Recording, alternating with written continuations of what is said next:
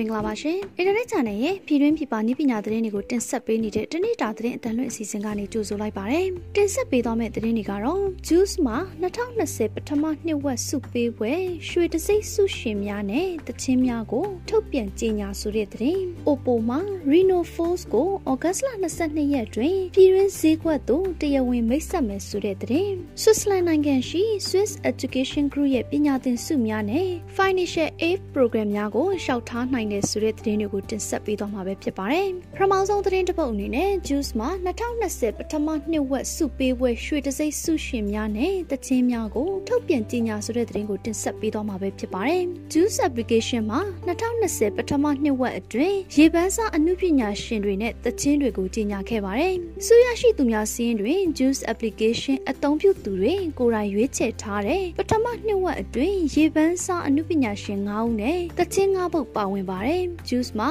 ပထမ နှစ်ဝက်အတွင်းရေပန်းစအနုပညာရှင်9ဦးနဲ့တချင်း9ပုတ်ကိုရွှေသားအစ်စ်နဲ့ပြုလုပ်ထားတဲ့ရွှေတစိမ့်စုကိုပေးအပ်ချီးမြှင့်သွားမှာပဲဖြစ်ပါတယ်။ပထမနှစ်ဝက်အတွင်းရေပန်းစအနုပညာရှင်9ဦးမှာဆိုင်ဆိုင်ခန်းလိုက်အာတီဖြိုးမြတ်အောင်ချမ်းမြေမောင်ချိုဘတ်မင်ဆမ်တို့ဖြစ်ပါတယ်။ပထမနှစ်ဝက်အတွင်းရေပန်းစားသချင်း၅ပုတ်ဖြစ်တဲ့ဖြိုးမြအောင်တီဆိုထားတဲ့ဒုတိယဖျားသခင်ဖြူဖြူကျော်သိန်းတီဆိုထားတဲ့ထွက်သွားပါတော့အာတီတီဆိုထားတဲ့အိမ်မက်လေးချမ်းမြေမောင်ချိုတီဆိုထားတဲ့လူစားအင်ချစ်တီဆိုထားတဲ့နည်းနည်းလေးချစ်ပေးပါဆိုတဲ့သချင်းတွေပဲဖြစ်ပါတယ်။ဆက်လက်ပြီး Oppo မှာ Reno 4ကို August 22ရက်တွင်ပြည်တွင်းဈေးကွက်သို့တရားဝင်မိတ်ဆက်မယ်ဆိုတဲ့သတင်းကိုတင်ဆက်ပေးသွားမှာပဲဖြစ်ပါတယ်။ Oppo Reno 4 smartphone နဲ့ Oppo Smartwatch ကိုဩဂတ်စ်လ22ရက်မှာပြည်တွင်းဈေးကွက်ကိုတရားဝင်မိတ်ဆက်တော့မှာပဲဖြစ်ပါတယ်။မိတ်ဆက်ပွဲကိုဩဂတ်စ်လ22ရက်မြန်မာစံတော်ချိန်ညနေ6နာရီအချိန်မှာ Oppo မြန်မာ Facebook page ဖြစ်တဲ့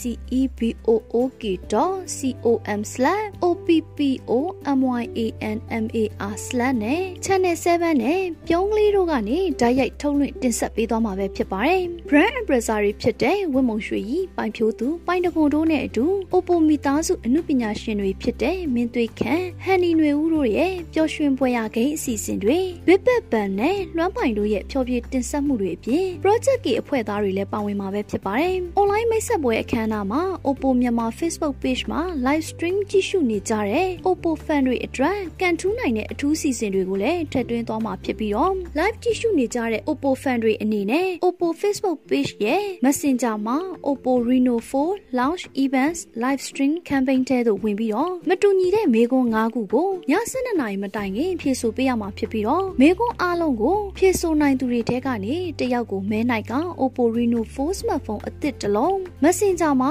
လာရောက်ဖြည့်ဆို့သူအားလုံးများမှာကန်တူးရှင်10ဦးကိုရွေးချယ်က Oppo Enco Tableau 11နှစ်ချက်10ခုပေးအပ်သွားမှာပဲဖြစ်ပါတယ်။ဒါအပြင် Beef Viewer Challenge အစီအစဉ်တစ်ကိုထည့်သွင်းထားပြီးတော့အဆိုပါအစီအစဉ်မှာ live ကြည့်ရှုနေသူ 10k တက်တိုင်းမှာ ဖုန်းပေမဲဖောက်ပေးသွားမှာဖြစ်ပြီးတော့ကြည့်ရှုသူ 10k ရောက်ပါက1000ကျပ်တန်ဖုန်းပေ10ခု 20k ရောက်ပါက1000ကျပ်တန်ဖုန်းပေအခု20နဲ့ 30k ရောက်ပါက1000ကျပ်တန်ဖုန်းပေအခု30ကိုမဲဖောက်ပေးမှာပဲဖြစ်ပါတယ်။နောက်ဆုံးသတင်းတစ်ပုဒ်အနေနဲ့ Switzerland နိုင်ငံရှိ Swiss Education Group ရဲ့ပညာသင်ဆုများနဲ့ Financial Aid Program များကိုရှောက်ထားနိုင်မယ်ဆိုတဲ့သတင်းကိုတင်ဆက်ပေးသွားမှာပဲဖြစ်ပါတယ်။ Switzerland နိုင်ငံရှိ Swiss Education Group ရဲ့ကျောင်းကြီး၅ကျောင်းမှာ2021ခုနှစ်ကျောင်းဖွင့်ချိန်တွေအတွက်တက်ရောက်လူသူတွေအနေနဲ့ပညာသင်စုတွေနဲ့ Financial Aid Program တွေကိုရှောက်ထားနိုင်ပြီဖြစ်တယ်လို့ MSI ကုမ္ပဏီကနေသိရပါတယ်။ Swiss Education Group မှာ Hotel ကျောင်းတွေဖြစ်တဲ့ Culinary Art Academy Switzerland,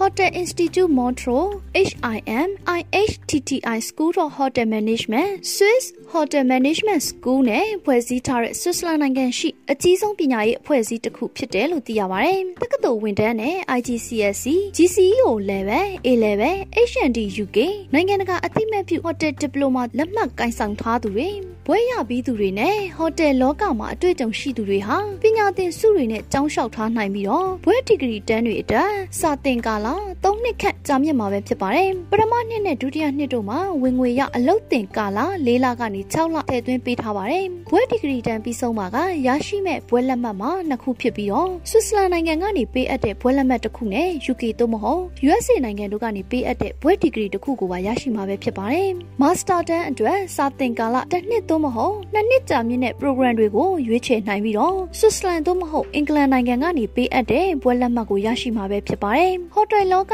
ရဲ့မရှိမဖြစ်တထားတဲ့နဲ့ပြင်သစ်နဲ့ဂျာမန်ဘာသာစကားတွေကိုလည်းရွေးချယ်သင်ယူနိုင်ပါတယ်။တယောက်လိုသူတွေအနေနဲ့ MSI ရန်ကုန် Head Office ဖုန်း39 91393915နဲ့39 4239393616ကိုဆက်သွယ်မေးမြန်းနိုင်မှာပဲဖြစ်ပါတယ်။အခုတင်ဆက်ပေးသွားတဲ့သတင်းတွေကနိုင်ငံတကာနဲ့ပြည်တွင်းမှာရရှိထားတဲ့နည်းပညာသတင်းတွေကိုအင်တာနက် channel ကနေတင်ဆက်လိုက်တာပဲဖြစ်ပါတယ်။အခုလို COVID-19 ဖြစ်ပေါ်နေတဲ့ကာလမှာပြည်သက်တွေအနေနဲ့လည်းကျန်းမာရေးနဲ့အာသာဝန်ကြီးဌာနရဲ့လက်ညှိုးမှုတွေနဲ့အညီလိုက်နာဆောင်ရွက်ခါနေထိုင်သွားလာဖို့တိုက်တွန်းလိုက်ပါတယ်။ကျွန်မကတော့ဝေမြင့်မှုပါ။